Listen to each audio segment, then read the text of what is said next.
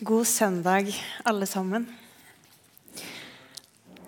Jeg hopper rett inn i tekstene og tenker på den siste teksten her. Oi, den er litt heftig. Jeg vet ikke hva du kjenner i kroppen når du leser eller hører den teksten.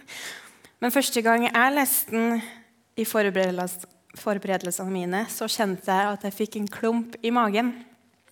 Stressa over hva jeg skal si om det her. Og så kan jeg kjenne på en redsel og forvirring. Så er det generelt en utfordring med å holde en tale. Eh, det er sikkert flere, men det jeg tenker på nå, er at man vet aldri hva som lander hos den enkelte lytter. Jeg kan ønske å si en ting, og så kanskje blir det oppfatta på en annen måte. Kanskje sier jeg noe på en litt annen måte enn andre ville ha gjort. Eh, så, så eh, oppfatter ikke lytteren det jeg hadde tenkt å si.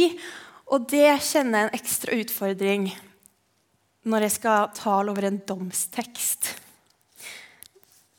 Så jeg vil bare bruke litt tid på å oppfordre deg til å enten komme til meg etterpå eller snakke med en annen person hvis det var noe du syntes ble vanskelig av det jeg sa.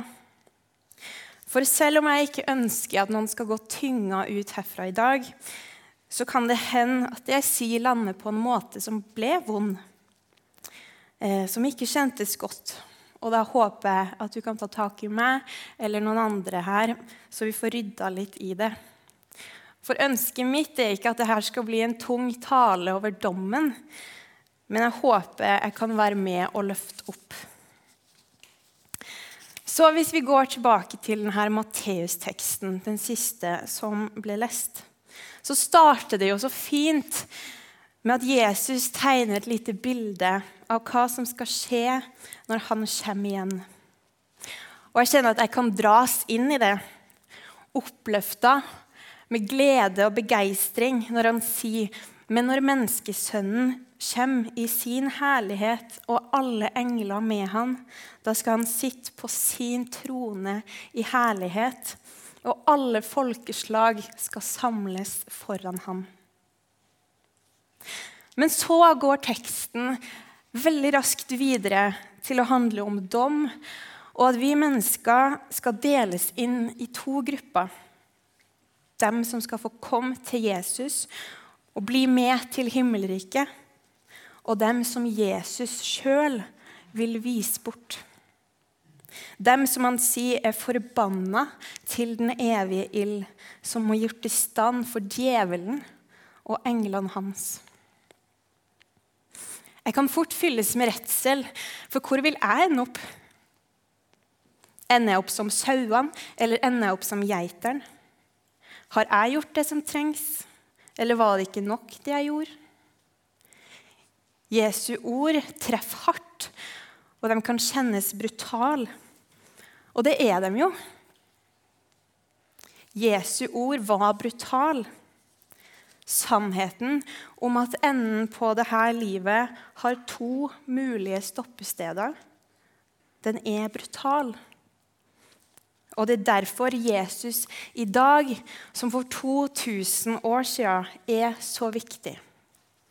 Dommen gjør at vi trenger Jesus. Men så er det jo ikke bare bra at jeg kan kjenne på usikkerhet og tvil i møte med teksten.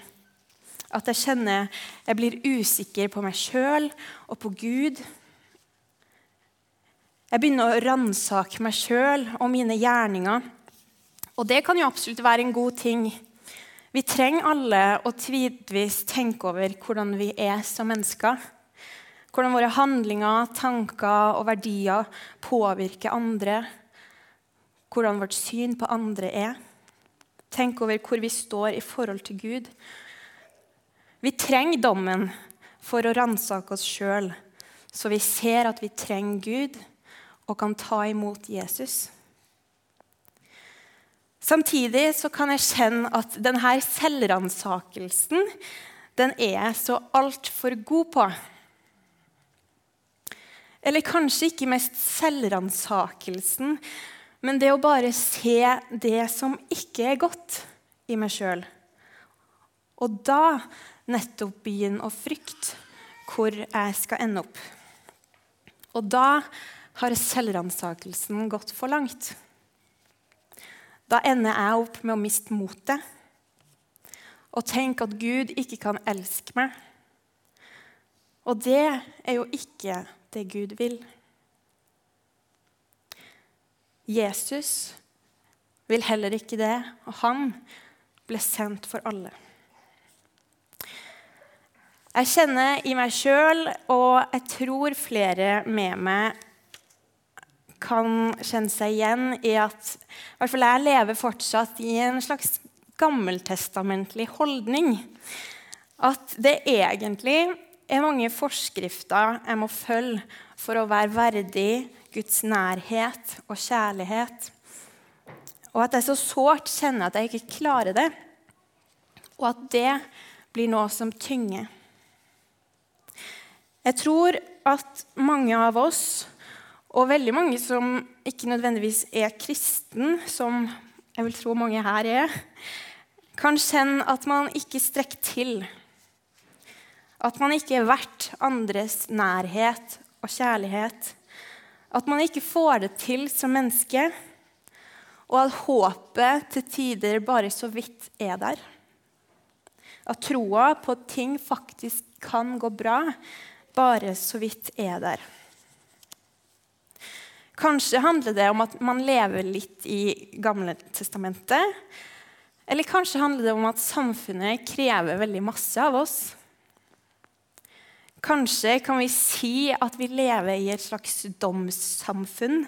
For hvis man ikke lever sånn eller sånn, så er du ikke innafor.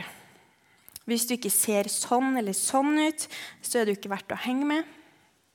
Hvis du ikke blir det her eller det her, så duger du ikke. Eller så har man kanskje det motsatte perspektivet, at man kan bli hva man vil.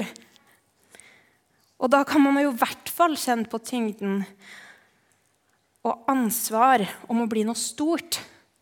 Man kan bli hva man vil. Så det skal liksom ikke være greit å ha lyst til å jobbe i kassa på Kiwi. Det er bare å ta en kort titt innom Kompani Lauritzens Tropp 2, så ser man at unge i dag er utrolig hard mot seg sjøl. Sliter med å finne sin plass, og at mange har liten tro på at de kan få det bra eller at de er bra. Det er så stort fokus på det man ikke får til, at det går på bekostning av livet. At byrden blir for stor. Dommen i oss sjøl kan være vanvittig stor. Uansett om man har fått en mer enn stor nok dose av forkynnelse som ikke har snakka konstruktivt om synd og dom, og det her fortsatt sitter i kroppen.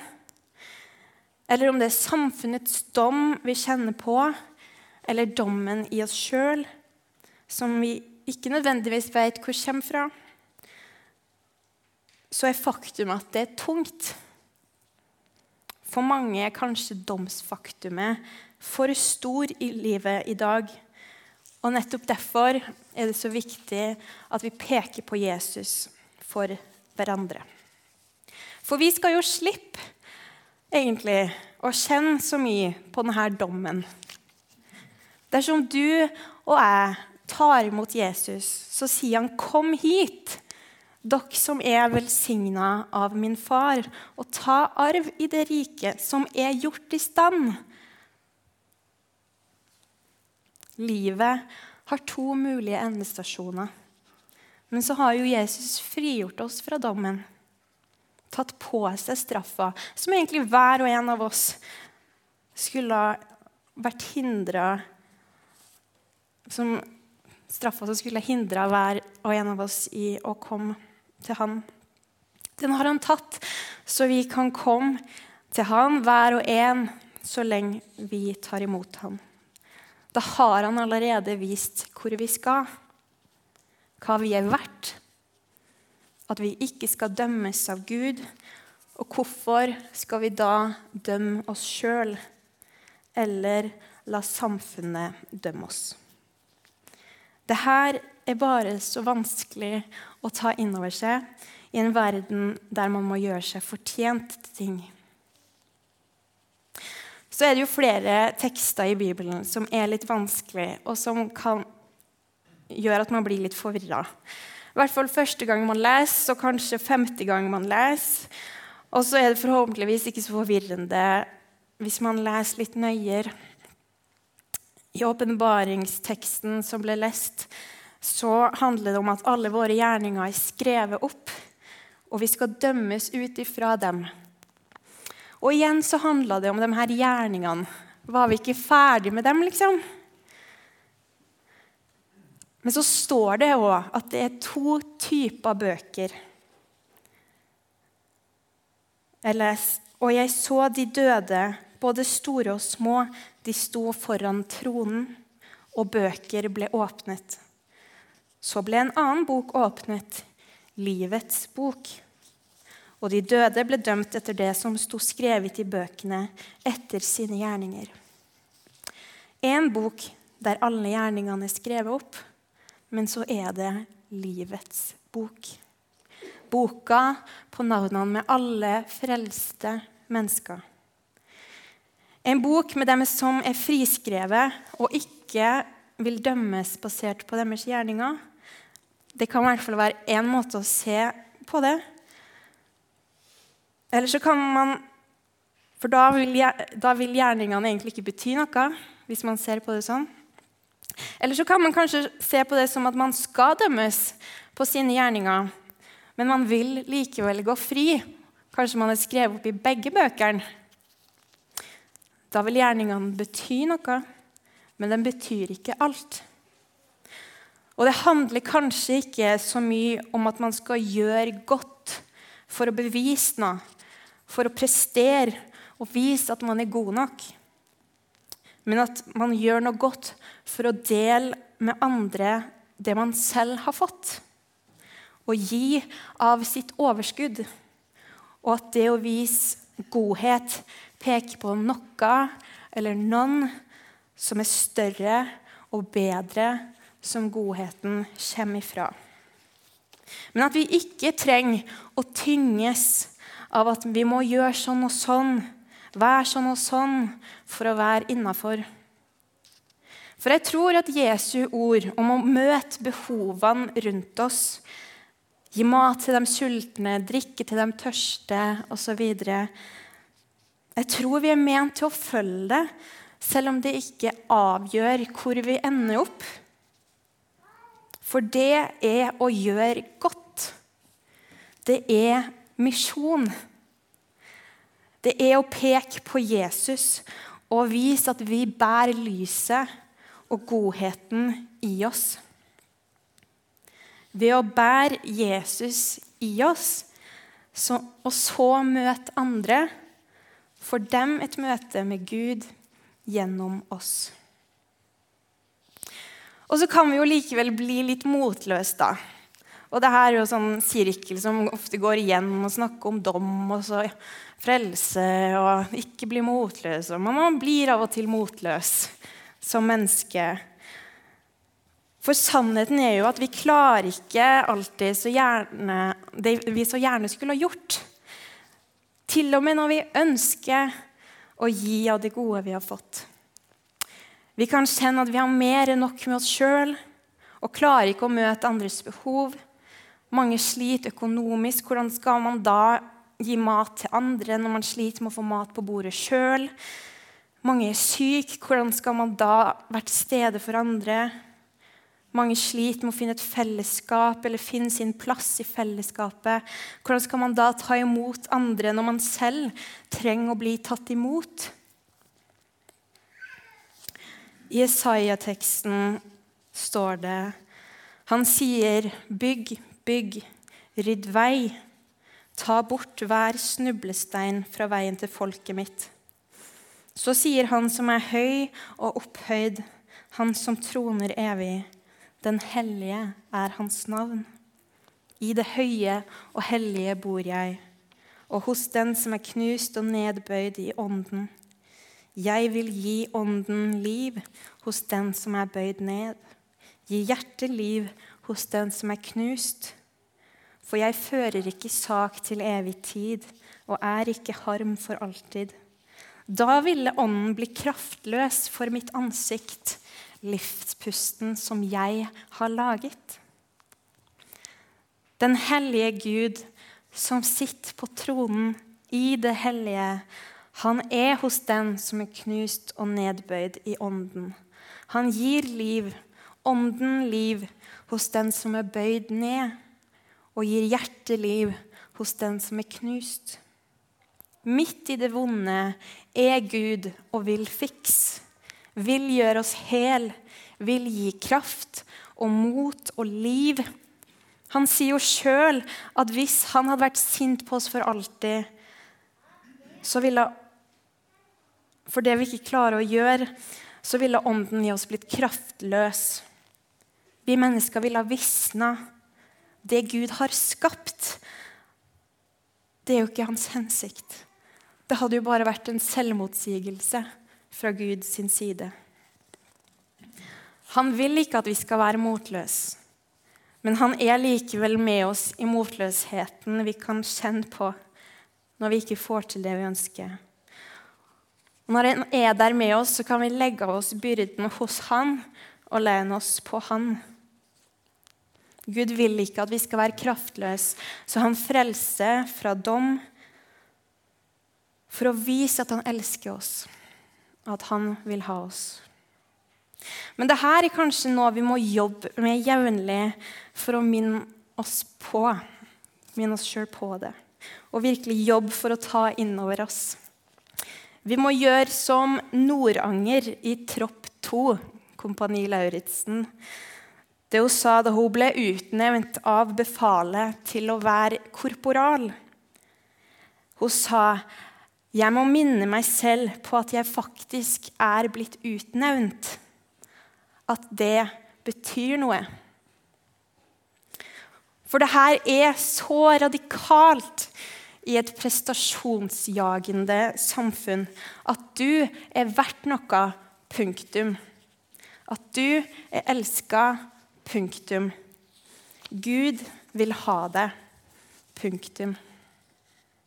Vi er Guds fantastiske skaperverk som gjør feil, som dessverre kan tvile på om Gud vil ha oss der.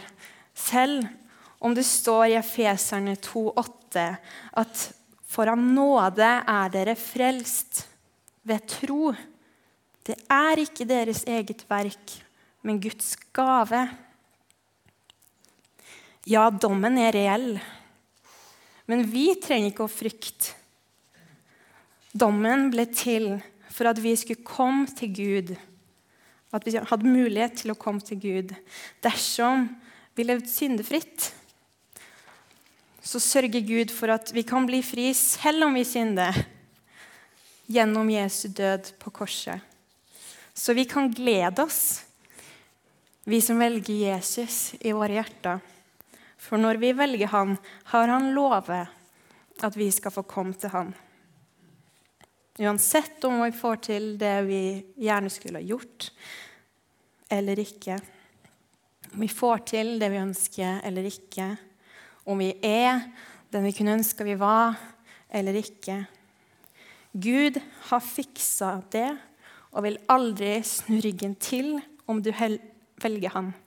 Han vil ikke ghoste deg, selv om det kan føles sånn.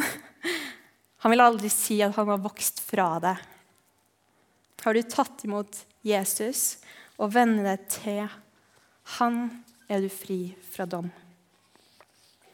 Så har jeg i hovedsak snakka om hvordan vi som enkeltpersoner kan forholde oss til dagens tekster. Men hva kan vi som fellesskap trekke ut? Jo, vi har et ekstra ansvar for å ta vare på hverandre som kristne brødre og søstre. Ikke bare her i menigheten, men også utenfor skal vi ha et ekstra øye for kristne søsken. Teksten fra Matteusevangeliet oppfordrer oss til å vise barmhjertighet. Gi mat til dem sultne, drikke til dem tørste. Ta imot dem fremmede. Gi klær til dem nakne. Besøk folk i fengsel. Og hvordan kan dette se ut i dag? Mange sliter økonomisk, og sliter kanskje med å få mat på bordet. Kanskje folk her så er det vanskelig å vite om noen sliter økonomisk, fordi ikke bare er det ikke så vanlig å spørre hverandre hvordan det går med økonomien, men det er utrolig skambelagt å skulle si at man sliter økonomisk. Så da er startstedet gjerne å spørre de neste hvordan det står til med økonomien. Mange studenter sliter. Vi har studenter her i Misjonshuset. Mange småbarnsforeldre sliter. Kanskje pensjonister sliter, det vet jeg ikke så mye om. Men mange sliter økonomisk, og mange vegrer seg for å spørre om hjelp. Så la oss spørre vår neste om den trenger hjelp. Er det noen som sliter med å få økonomien til å gå rundt, så spør om de vil komme på middag eller kvelds eller lunsj. Et eller annet som gjør at et måltid er dekt innimellom. Spør de neste hvordan hun har det. Kanskje sliter hun fysisk eller psykisk. Og så vet vi det ikke. Kanskje kan du eller jeg komme og være en helbredende kraft bare ved å være der. Spør de neste hvordan han har det i fellesskapet. Kanskje kjenner han på tidenes ensomhet fordi han er ensom i et fellesskap der det virker som alle kjenner noen. Finn ut om de neste er tynga av skyldfølelse for noe hun har gjort. Vær i det sammen med henne. Vis at du heller ikke er feilfri, og pek på Jesus, som har gjort opp alt. Bygg, bygg, rydd vei. Ta bort hver snublestein fra veien til folket mitt. Hvordan kan vi være med og rydde veien til Gud? Hvordan kan vi bygge skinner så vi ikke så lett sporer av fra veien til målet, til Gud? Hvordan hjelper vi hverandre å holde oss på veien som gir frelse fra dem? Ved å møte hverandre der vi er.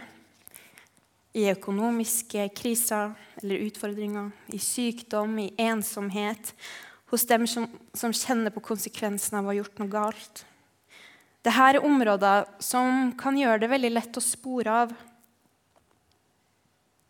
Hvor vi kan miste tro og tillit til Gud. Hvor ikke Gud vender seg bort fra oss, men hvor vi kan kjenne at vi ikke er verdt hans nærhet, eller tvile på om vi er nok eller gjør nok for han. Det er områder hvor Jesus oppfordrer oss til å være medmennesker for hverandre. Vær Gud med hud her i menigheten. Altså det her sammen med mange flere områder i områder vi kan vise godhet. Vise at lyset brenner i oss. Måter å dele lyset med andre på. Jesus sier alt dere gjorde mot en av disse mine minste brødre, der brødrene henviser til mennesker som tror på Jesus. Vi kristne må gjøre det her mot hverandre. Så kan vi dele det videre etterpå. Hvis vi ikke gjør det for dem som står oss nærmest, hvordan skal vi da gjøre det med dem det i utgangspunktet er vanskelig å møte?